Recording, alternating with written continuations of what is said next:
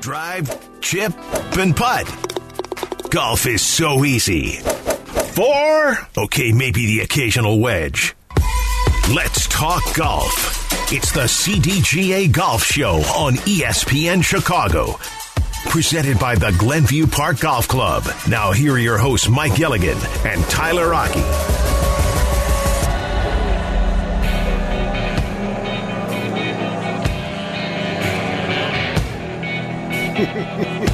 The people are flocking in to the Chicago Golf Show presented by the CDGA. This is the CDGA Golf Show on ESPN 1000, all brought to you by the Glenview Park Golf Club. Tyler Aki alongside Mike Gilligan, ready to go for year three of the golf show. And what better place to start than oh. at this beautiful venue here in Rosemont? If you're here at the convention, if you're on your way to the convention, come stop by. We're right, we're right off of the entrance here. You can't miss us. You can't really. And it, this is my favorite show of the year because of the fact that we are out and about at the Chicago Golf Show.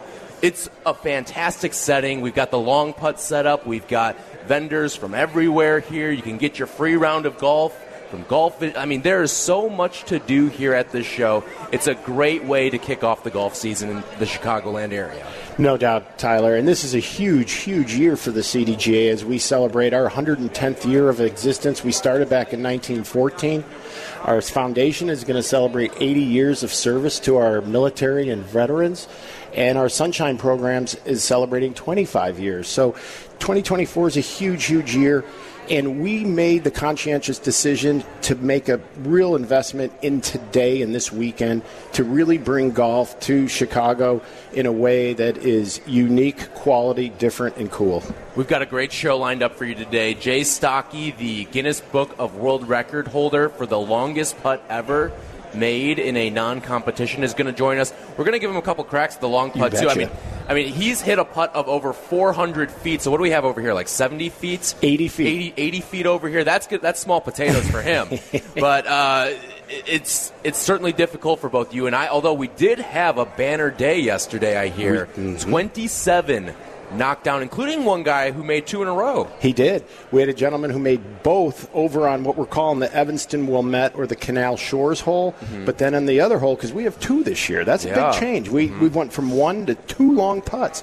So the other one is uh, all themed out in a Chicago theme. And uh, later uh, this morning, we're going to have Robbie Gould, Nick Anderson, and Jay Stocki, and a few lucky people from the audience to actually putt for five thousand dollars. So big day here at the uh, Rosemont Convention Center. Speaking of Nick Anderson and Robbie Gould, they will both be joining us as well. Former NBA player, Flying Illini, Nick Anderson, and new CDGA ambassador, Robbie Gould, and new head coach of Rolling Meadows as That's well. right. We'll have to talk to him about that. Um, as he is the Bears' all-time leading scorer, he will join us at 10:35 today. Looking forward to all of that. But I mean, I love this show. We come out here, you see all the people. It's just a celebration of golf. I mean, the people are already flooding into the venue right now. There's so much to do here, so you got to get on out here. There's, you can get get a crack at the long putt. You, if you need a, a new club, you need some new equipment for the year. This is the perfect place to do it. It really is. And you know what? It's a great place for the entire family. And here's why. We have set up for the juniors a putting course, they have hitting bays.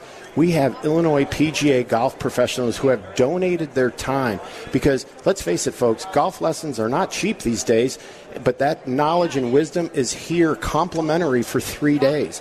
Last year, Kevin Weeks gave me a putting tip, and honest to gosh, it really improved my game throughout the second half of the season, and uh, I thank Kevin for that. But there's so much to do, and from you know the the, the non golfer perspective, there are travel opportunities, destinations, and resorts. We have over 350 booths. So if you're into apparel, and the apparel in golf has become much more Oh my God. athletic, Yeah. So if you were a pickleball player, we got stuff here for you, Right. Because golf has become much more athletically inclined in what we wear and how we perform. So there is just so much to do, fun stuff to see, interaction. It's all here. Yep, more than 15,000 people Oh, yeah. are expected to show up over the course of three days here. And I believe you've set an over under on the long putts as well. Yes, I you're, have. You're getting a little nervous. Well, I originally set it for the weekend at 39 and a half, and we hit 27 yesterday. So I'm establishing the over under today at 42 and a half because we made a little modification to the right side, and we think it's going to be an absolute ace fest today here today. And I think we'll we'll go over 40 hole in ones. Over 40. Over 40 today, Today. alone? Today alone. Today alone. Wow. Because these, th- You these doctored it up for yeah, we huh? doctored it up. But I also have to tell you, the Chicago putting skills have improved over the course of the year. Last year we made seven, so I don't know what they did, but maybe those lessons are paying off. You know, these guys are and girls. We had a lot of girls make it mm-hmm. yesterday, and like I said, we had the one guy who made it twice in a row, and the odds of that are just ridiculous. Right. So an 80 foot and there's two lanes. There's That's- the the Canal Shores lane, and then there's the Chicago lane that you've got there, and it's it's amazing. Like last year there was just one. Now we've got. I mean, I'm sure in like three years we'll have a par three set up here by the time Well, we're ready to go. Somebody actually mentioned that. They said, hey, if we drop the nets down, we could actually do a long drive competition with simulators in here. Well, that's not out of the realm of possibilities. Yeah, there. That now the think tank. Every all the the gears are in motion upstairs for Mike Gilligan here. Um, by the way, this segment is brought to you by Geneva National. Experience 54 holes of legendary golf at Destination Geneva National.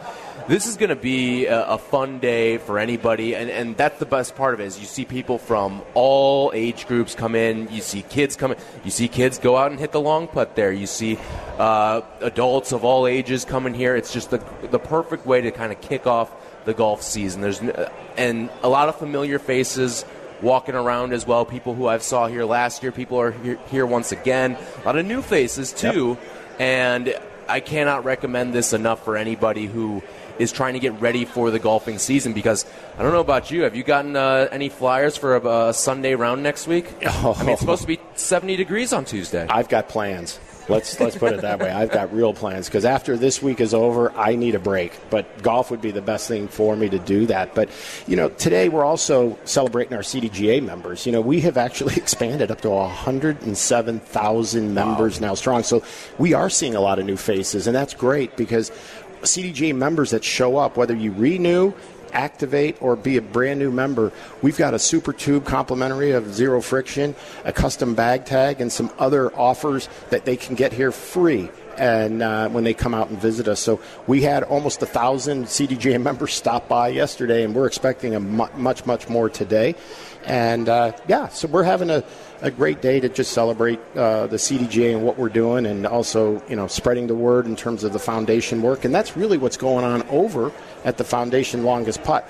The five dollars goes towards putting kids on the golf course, towards the work that we do with veterans and individuals with disabilities. So it's all in a good cause. We're having a lot of fun, and we took the CDGA booth and we expanded it up to eleven thousand square feet. It's funny seven years ago, we started in a 10 by 10.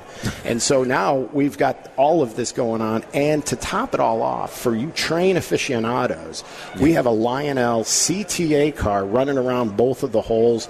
And the Chicago hole is all themed out. We have the Willis Tower and the Hancock and all the various buildings. So you know, it's it's it's just a lot of whimsical fun, and it grabs the attention, and, and it brings the kid out of everybody when you walk into the Chicago Golf Show. It is a kid in a candy store. I know our producer Charlie Bevins was doing some sniffing around before the, the gates open here. I think he's in the market for a new wedge Yeah. that he's looking for. So Charlie was actually on the news the other day because he was out at Sydney Marovitz getting nine in. Nice. He he made the uh, the A block of the NBC Five News the other day because he was an avid golfer who was out there in February. You don't get a lot of February rounds in, in No. this area, Well- but thank the groundhog, I guess, because Yeah. we're we're getting a pretty early spring here. Well, no doubt. In fact, you know, we were with Tracy Butler on Thursday and asking her. I mean, I mean, golf has become top of mind just because Yes. of the winter that we're having, and as a result, believe it or not, ironically, the USGA in our climate has extended our season. What we used to kick off was April 1st. Mm-hmm. You know, and that was no joke. April 1st, yeah. right? Not April Fool's Day. But now they've made us go back, not made us, but they've recommended that we start March 15th. And instead of ending at the last day of October, we're going to November 14th. So effectively, your reporting season has now uh, gone on for about four more weeks yeah. or almost 30 Getting days. a month, yeah. So, yeah. A month more. So, But it's global warming affecting golf in a good way. yeah. More golf is never a bad thing here. Um, there have been a lot of changes to the golf world since we last met back in the end of September when we were discussing the Ryder Cup and all that that was going on there. But this, uh, everything that's going on with LIV Golf, we saw a big transfer oh, yeah. with Jon Rahm making the way over. I, what do you think? It was the porta potties that sold him, right? The porta potties on every hole. I, I guess he's very passionate about his porta potties, obviously, but. Um, but yeah, no, that was shocking, and I think that was a situation where, you know, the PIF started feeling like disrespected in a way, and they wanted to remind the PGA Tour just what kind of strength they can have and how they can leverage it. And you know, it just goes to show you that everybody's got a number. And the latest number I'm seeing floating around is the next one is for Rory McIlroy at nine hundred and fifty million dollars. His agent is claiming it's a possibility. So Rory, for those who don't remember, has been one of those ones, one of the golfers that has been really steadfast in I'm not going, I'm not jumping ship. But over the last four to six months, we've kind of seen that tune change a little bit and being a little more open to, to LIV Golf. He's not as harsh with some of his statements when he talks about it. Uh, he used the, the word never before. He would never go there. It, it, like, it could be the last league on earth, pretty much, and he would never make the jump over to live. That tune certainly seems to be changing, and for me, it makes me ask questions about whether or not we are going to ultimately see a merger. Because remember, we were talking last June about oh this merger that and, they were we saw the commissioners of each league on CNBC in this kumbaya meeting and we thought oh this is going to be the joining of the two super leagues that we have here and now all of a sudden, as we still sit here in February and the ink is not dry yet, it makes you ask a lot of questions about what the future of professional golf looks like. It really does. It you know it it really has you take pause, and it just goes to show you that the devil is in the details, and they can't seem to get the details ironed out. And I think it's a matter of control because I think the PGA Tour has to maintain control, and I think it's a control issue more than it is anything else. But I think that the players are also seeing a future that has this group uh, ultimately coming together. Now, whether it's in the next two weeks or two years, I think that because Jon Rahm's agent is the same as Phil, Phil, when I look back on all of both his, Arizona State guys as well. Exactly, good yes. point there. And everything that Phil has said, whether you like him or not, as polarizing as he is, yeah. he's been mostly right, if not right 100% of the time. And I think he's got an inside perspective, or his agent does. And, and I think that went a long way that Rahm went over there with the idea that we're coming back together ultimately. It's just we got to figure it out. But I think everybody wants that and knows that, what has to happen. We're just trying to figure out the roadmap to get there. And it may be a little bit more problematic or challenging and obstacles. But my guess is if I would still give it another six months before we probably know what the final outcome and what the timeline will be come next year because it's really by then they have to have certain things in place if they're going to make any change for 2025. Right. So, yeah. you know, that's where I think we are right now. But my guess is as good as anybody's at this point because one thing I've taken away from all of this is nothing surprises me anymore. Nothing. Yeah, I'm right there with you on that. All right, when we come back, we'll get into more of some of the stuff you've missed. I do want to talk about one of the strange uh, rulings that we got last week. Um, and also, the son of a legend is in action. How did he do? We'll do all that when we come back. This is the CDGA Golf Show presented by Glenview Park Golf Club, and this segment brought to you by Geneva National. Experience 54 holes of legendary golf at Destination Geneva National.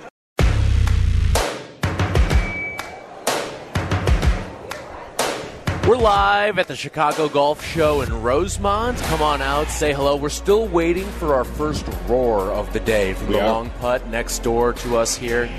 as we are in the CDGA media studio here. Lots to do, lots to do at the golf show. I do have to show you this. I think you might throw up when you see this. I've been meaning to Oh, my. regrip my putter for the longest time. Oh my goodness. So I made sure to bring it out here today so I could get it regripped. Oh yeah. You, will instantly make much more. This thing is like it looks This like it was from 1930s. Exactly, and it's one of those things I keep saying I'm gonna do it. I'm gonna do it. I'm gonna, and then I just never get around to doing it. And now I finally brought it out here with the hopes of finding a place that'll regrip it. I'm sure with all these vendors here, there's at least one place that, that has a, a gripping station. So. Yeah, and you know in Chicago everybody's got a guy. I got a guy Yeah, for you. do ya? All I right, really perfect. do because we got to turn that from being an antique into something more usable.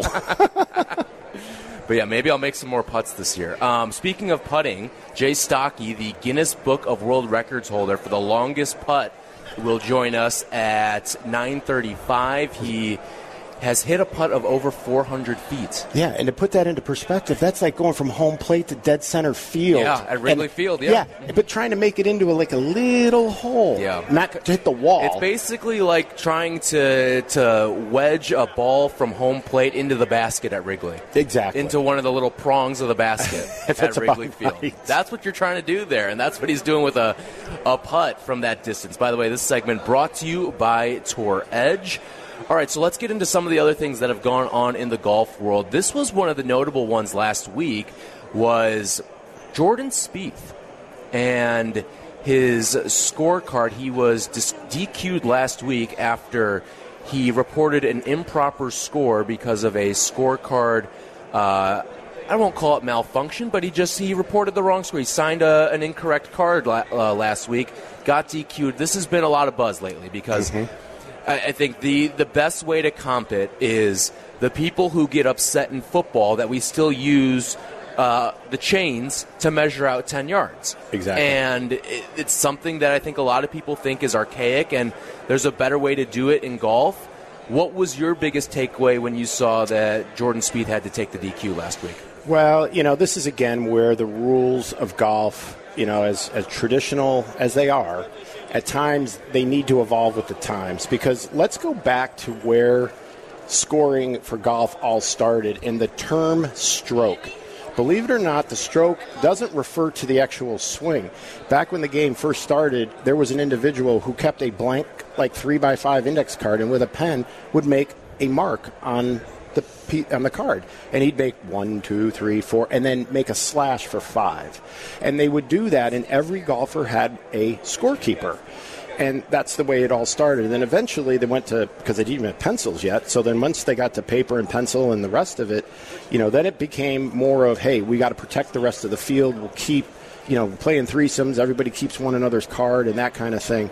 Um, but as far as at the level that these guys play, there's no need for that anymore. These guys aren't trying to cheat. They don't have to protect the field. We got cameras and technology all over the place. And I guess my biggest takeaway to answer your question was there was the, whoever was in scoring control or the, the scoring center when the players come in didn't do their job. They're there to protect the player, not to try to, oh, I caught you. Yeah. You know, that's not it at all. Because let me tell you just how costly this is for Jordan Spieth. Now, the man's got a lot of money, but let's not mention it was one of those big events. Yeah, the elevated So events. the elevated events. So he loses money there. So, okay, that's a big deal. But where he really loses is in world ranking points and status within the top 30. And so, you know, is it really about getting it right or is it really about catching somebody? I guess is where I have my take on that. So I just think you know the the game really let Jordan Spieth down. But at the end of the day, is it his responsibility? Yes, it is. But it's also the responsibility of the PGA Tour officials to protect the player, and that's what I call proactive officiating. I do think in the modern era, you bring up all the cameras and stuff. At this point, it's pretty impossible to cheat. Exactly. On the golf course. And- even when there are guys, like, what was it, a couple years ago, I believe it was at the Masters, when Adam Hadwin, he self reported a an infraction that he had. It cost him two strokes. But like the, the the next day, he went out and shot like five or six under, and it was one of those things where you just felt like, oh, golf karma came back in a good way for him the next day. I mean, good. Canadian boy too, Well, right? But but all of that put together, like no one on the course is really trying to cheat. It, it is a game of. I mean, sure, you may have a sandbagger in your group of foursomes that you slap the ball around with on Saturdays, but these professional golfers, this is a game of honor and integrity, and I, I feel like they are not trying to cheat. If they do maybe cheat, it is not of their intention, and it is a quick and easy fix. The way that it happens is all right. You you go out, maybe you sign a wrong card what I'm the the penalty that I would assess if you do sign a wrong card and knowingly sign a wrong card, you're getting a stroke penalty. I don't think there's need to, to DQ. Yeah, I would absolutely agree. And it, to the level and the amount of money in the business that this is, the rule is too antiquated. It's just too antiquated. Let's get it right. I mean, why did we go to re, you know replay in baseball and in football yeah. to get it right? So I just think the PGA Tour had an opportunity to get it right with Jordan Spieth, and instead he they took one of the biggest stars away from the field. And this is after Mr. Tiger Woods also pulled yes. out too. Mm-hmm. So that event kind of got a little one-two punch in not in such a good way. Right. And the other thing too, with this rule and the PGA Tour right now is trying to gain favors, trying to grow the game of golf right now, and they're doing it at a time when there is a split in the golf landscape. There mm-hmm. are multiple avenues for you to go to if you do want to watch professional golf right now. And not only are you taking out one of your stars, but you're doing it in a time where you really don't have a lot of margin for error in terms of how many black eyes you can accumulate right now. And this is a black eye on the sport. Well, and if you got the right guy with the right kind of personality, he could have jumped right then and there. That could have been all the reason in the world to say, you know what, I am going to go sign for four hundred million. That oh, after oh, yeah. what you just did here, you know. Yeah. And but again, it does go back to ultimately it is his it is his responsibility. But I go back to again, th- th- this game is too high a level. I mean, I can understand maybe that rule at the amateur when there are no fans, no cameras, or anything. I get it there but not at this stage. You know, the other thing about it too is you bring up, oh yeah, like he could jump. Like Jordan Spieth is one of those guys. He hasn't had the major success that he did when he burst onto the scene, and he's had his injuries. And I mean, he's a guy who he'll scapegoat his caddy. He's known to do oh. that, right? Like, yeah. I'm I'm almost surprised. It would not shock me if we if we did see a leap from him soon as a result of something like this, and they're pulling money out of the pockets of these guys. Well, you know, and ever since June 6th of last year, the sensitivity level now is a lot different of, hey, I'm going to take a bullet and I'm going to I'm going to be loyal and steadfast. Yeah. June 6th changed that attitude and that taste in certain players' mouths really soured really soured and trust was broken and in any kind of relationship when trust is broken, it, it can be bought back, but it's going to be a long time. I can't wait for that full swing episode, by the way. I know, it's coming It's up. coming up in March. Cannot wait for that one. The cameras were indeed rolling the day that the merger was announced, and everyone kind of found out the same way on Twitter or on the news. Like that's that's the way that news got around of this merger that was going on between the two entities, the of LIV Golf as well as the PGA Tour it is pretty remarkable what we're going to see in that because there's going to be storylines uh, galore that oh, we're going to have in this upcoming season of Full Swing. And my hope is the cameras were rolling, and I hope they get a lot of first reactions that are honest and pure of certain players' face and what they say when the moment they hear it versus if I'm remembering right, it was the Canadian Open, right? Yes, it was. Very good memory. Yep, and uh, it just shocked the golfing world, and it was one of those moments, at least in the golf industry, is where were you that day? Yeah. And it, it has changed the climate, and not in not not in such a favorable way for the PGA Tour, but I think it also made LIV get stronger and and I think gave the players a, a little boost of confidence that by actually jumping and taking the money that ultimately they made the right decision because early on I guarantee you they had second thoughts. Mm-hmm. And but, the other part too with it all is these PGA Tour players said were told that they would be compensated for their loyalty and now, if if you don't get a merger of some sort, or it, it's a long-standing battle to finally solidify the plans, you're really going to fracture your league. And it's little incidents like this where eh, I think if you're Jordan Spieth, I don't blame. If, if we saw him jump in two hours from today, from right now, if he jumped to, to LIV Golf in two hours, we got that announcement.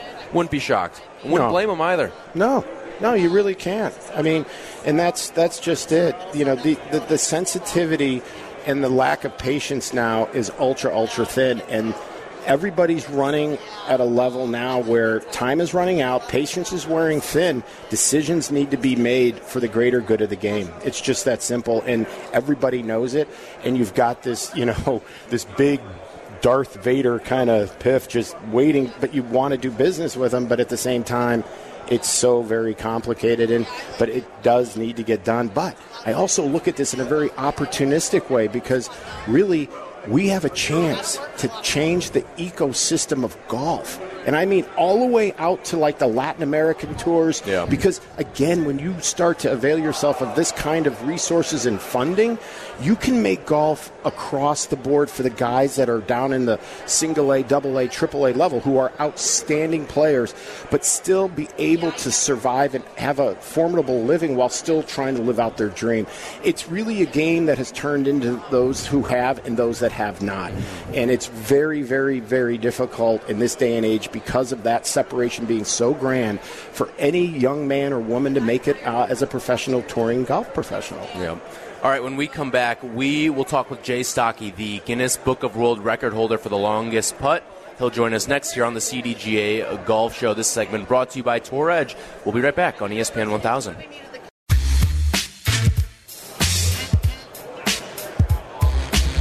Live at the Chicago Golf Show it is the CDGA Golf Show presented by Glenview Park Golf Club. This segment brought to you by Tito's Handmade Vodka. We go on out to the Jersey Mike's hotline where we are joined by Jay Stocki, the world record holder for the longest putt ever made. Over 400 feet, 401.2 if you're being exact. Or he joins us right now at the CDGA Golf Show.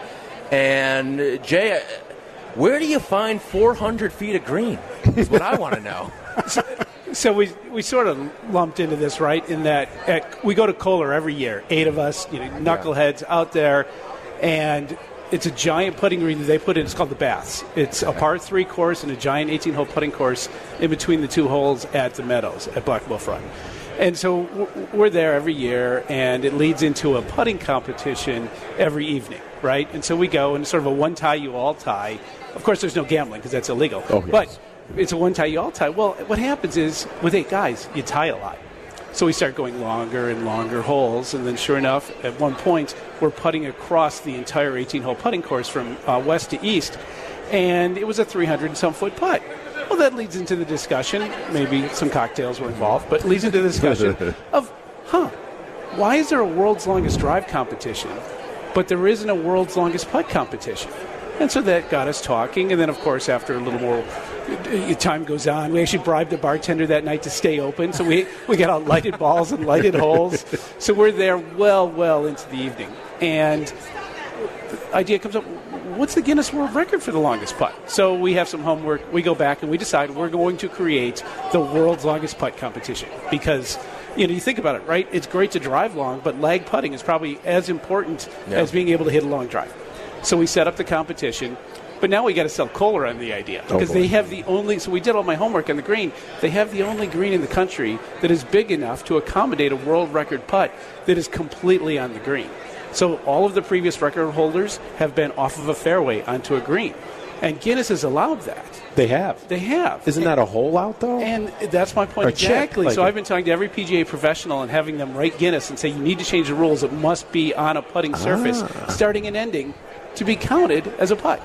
But anyway, so now we have to convince Kohler. So meeting with the head of operations at Kohler, I, sh- I, I shot him an email like, "Hey, we'd like to hold this world long putt competition and try to break the Guinness World Record."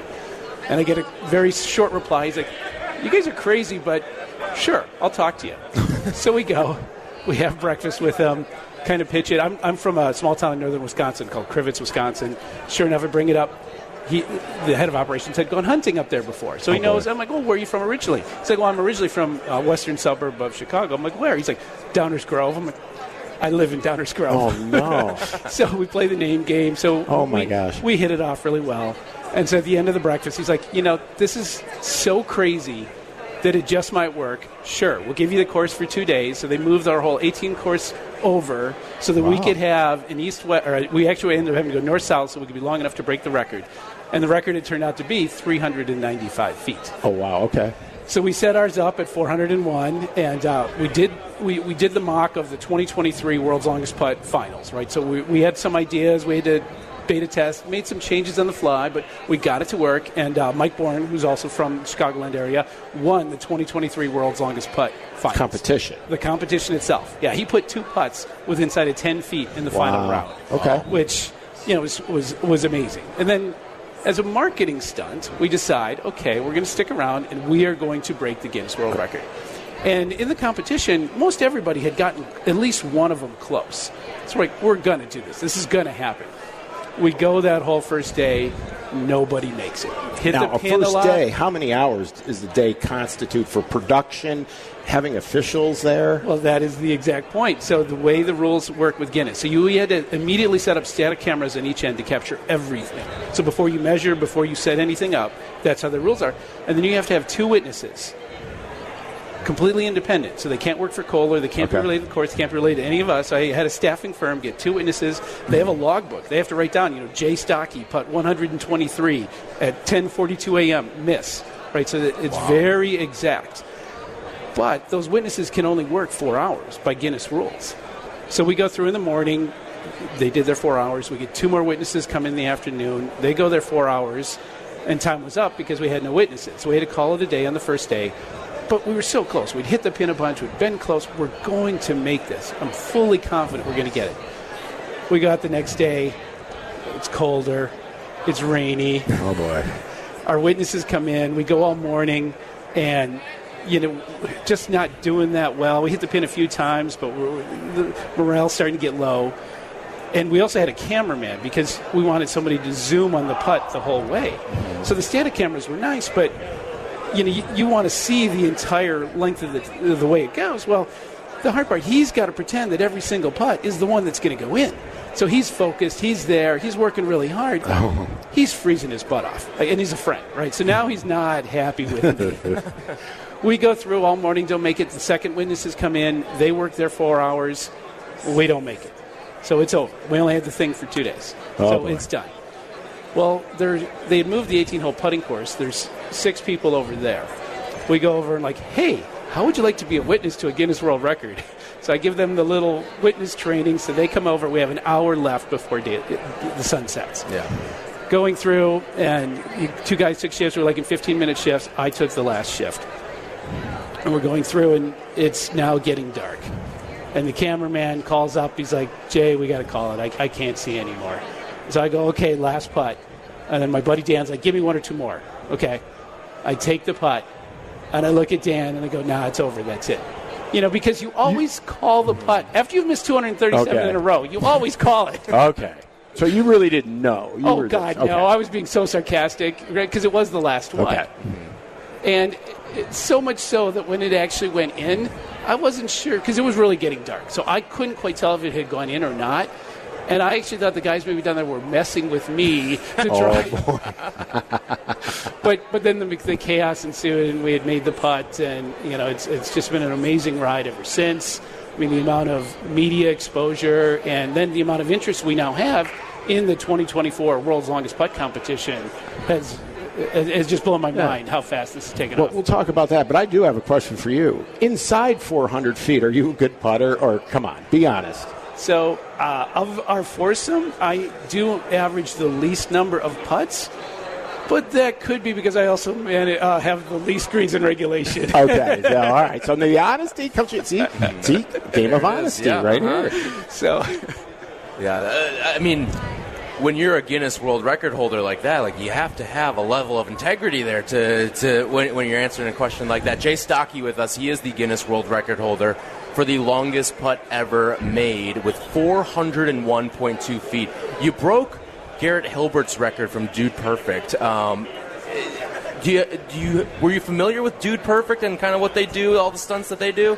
I, I am very much so, but it's an even better story than that. So their post of the record didn't show up until the day after I had made my putt. So we mm. thought the record was 395 feet, and then we're there, and you had to have a surveyor come. Witnesses had to witness the surveyor. We have everything marked, and so he's doing one, and you have to do it after too. So you have to do before and after. He's there measuring the after. I get a text. And it's a buddy of mine, Nelly. He's like, "Do you see the dude perfect guys broke the Guinness World Record longest putt?" I, I can't tell you the sheer panic that ran through my body. And so now I'm on Guinness's site and I look it up and I'm like, it's 398 feet. I'm like, all right. I sure hope the first surveyor was right that this is over 400 Yeah. feet. 'Cause- And sure enough, the survey comes back at 401, and it was almost like a mini celebration again. That we're positive. So I have reached out to the Dude Perfect guys because we're doing this. So uh, I'm retired we're doing most of this to help nonprofits. So the way the World's Longest Putt works, we actually run local competitions all around the country, typically at a charity golf event. So we'll set up on the putting green or one of the holes. You can run it all day. We encourage the charity to charge based on what they, t- you know, how high end of a event it is. Charge every golfer, and th- they get to raise more money. And then we get people to move through to qualifying uh, regional events. So you Which want to will be? qualify, you move to a regional. The re- Chicago Regional be at the CDGA facility, Midwest Club at, at Kohler, at Cog Hill, I mean. And then if you win there, then you get to go to Kohler. And you get to compete into the 2024 finals, where we have a ton of great prize packages, including Kohler said they'll throw in, uh, for the winter uh, stay at their hotel at St. Andrews. Wow. So there's, there's going to be a great prize package. So, and so everybody understands, Jay Stocki is the commissioner also of World Long Putt, in addition to being the Guinness Book of World Records holder. So, explain to the, the audience what we have going here with our longest putt and how it corresponds, just like you just said, because we're fundraising here for our foundation, and we're, we're hoping to hit $20,000 over the weekend. And at the same time, we're doing exactly helping out because we've got qualifiers through this. It, it is just such a perfect merger, right? When you think about it, what you're trying to do, you're the perfect venue for a qualifying event. So we're working with the CDGA so that there will be one of the winners who makes the putt here will actually get to go through directly to the finals. So they'll skip the regional process, they'll go directly to the finals.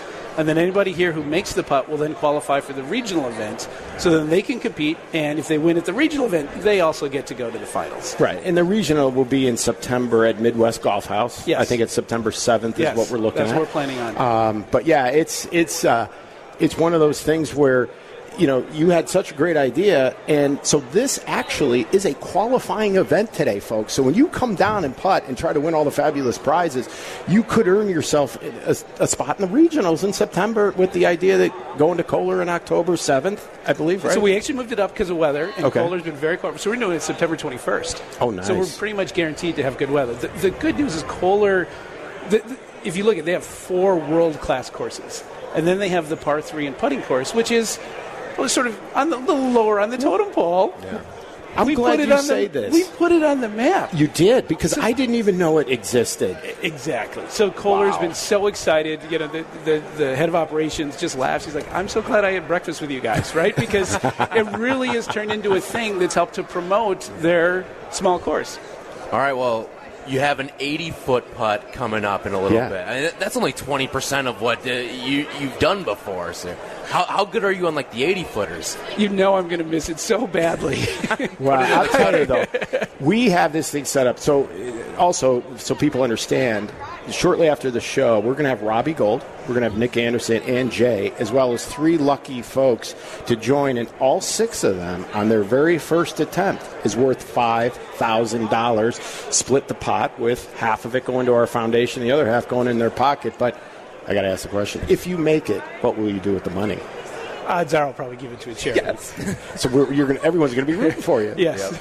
Jay, thanks so much for taking some time with us, and best of luck on your putt later today. Thank you so much, guys. Really appreciate it. Thanks, Jay. Jay Stocki, the Guinness World Record holder for the longest putt ever at 401.2 feet. All right, when we come back, we'll get into a golf legend's son making a run to try to get into a PGA Tour event. We'll discuss that when we come back. This is the CDGA Golf Show. This segment brought to you by Tito's Handmade Vodka.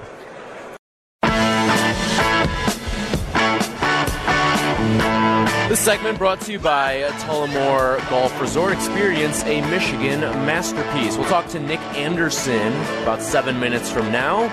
Chicago native and Flying Illini member and first round pick by the Orlando Magic back in 1989. He'll join us in just a little bit here on the CDGA Golf Show. So we saw Charlie Woods as he tried to qualify for the Cognizant that's coming up this week. And interesting scorecard. I think there was a humanizing part of it when you Oh, yeah. see a 12 on 7 like we did. But here's the, here's the hidden part of that. After that 12, he rallies back with six straight pars. If I had a 12 on a I may not play 8 Well, that's if I have a 12 on 7. And you know what? Most most people wouldn't. Yeah. And I, I give the kid a ton of credit because it's easy to just to come absolutely unglued emotionally, mentally, and just shut down and go through the motions. And that 86 could have been 126, real simple. Um, but you know, he the apple doesn't fall far from the tree, so you know he he put a little tiger into him, and you know came back and showed that he's got you know he's got some game, and you know. It, this is part of the maturation process. Nobody picks up this game and is instantly great. Even Jack Nicklaus wasn't. You know, Tiger, yeah, but even he struggled in the beginning and had his ways about himself as a, as a youngster. I, I just feel bad for Charlie. It just goes to show you just how in a you know in a goldfish bowl he's living because he can't do anything like a normal 15 year old can enjoy and you know to have your golf game on display as such is tough when you're not even Charlie Woods you're, you're just going off on the first tee you know with your friends and you've got a few groups waiting you're nervous. And so a guy like him and, and getting the, the, the public bashing and the because A, he didn't take up a spot. He didn't take up a spot for anybody. And this is all part of how he's going to become a great player sometime. But you know what? He showed I, I I loved the not quit in him, you know, and it reminded me of a story when we were trying to qualify for US Amateur when I was about his age and we had a gentleman on the second 15 tee. years old, by the way. Yeah. For Charlie Woods. For Charlie, 15. So this guy hits the uh, T uh, sign because we were playing the far, far back, and the ball ricocheted and went a hundred and some yards further back up against a boundary fence. He had to take an unplayable, and he ended up making an 11 or a 12 on what was an easy par five. But he missed qualifying by one shot. He mm. played the rest of the golf, the next 34 holes, seven under Wow. but he missed by one.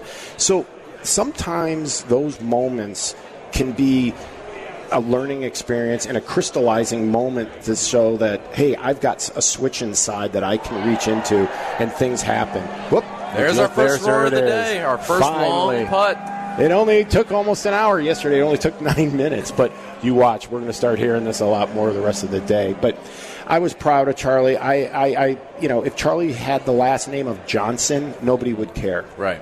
And that's the, and that's the sad part that I, my heart is sad for Charlie in that regard as he tries to grow up in such a public fashion, learning a game that is so, so difficult. The ultimate puzzle without an answer. And the, the thing that's tough, and, and the thing that's tougher for him than what his dad had, even though his dad was a phenom coming up, there was no social media. There weren't camera phones on every single hole. There, there wasn't all that added pressure of being a son of a legend. And I think it's something that, A, we're seeing with Charlie Woods. We're seeing it in basketball with Bronny James as well, the son of LeBron James. Like, you can't go incognito at these events. You can't. No. There's no way around it. Every time anyone's watching one of these events, it's for one reason and one reason only. It's Charlie Woods. Exactly, and and Charlie is always going to be under that microscope, and you know he's getting used to it. He's getting used to being in his skin in that regard. But it's one thing to do a task that is more mundane, but golf is such a mental game. You can Yeah. have it so good one day, and for whatever reason. The stars and the you know the planets aren't aligning right, and it just no matter the harder you try, the worse it gets. And I think Charlie visited that moment the other day. Yeah. All right, coming up in two minutes, we will talk with Nick Anderson, member of the Flying Illini, and now he's dipping his toe in the golf game. So we'll discuss all of that coming up in two short minutes. This segment brought to you by Tullymore Golf Resort, up North Michigan Golf without the drive.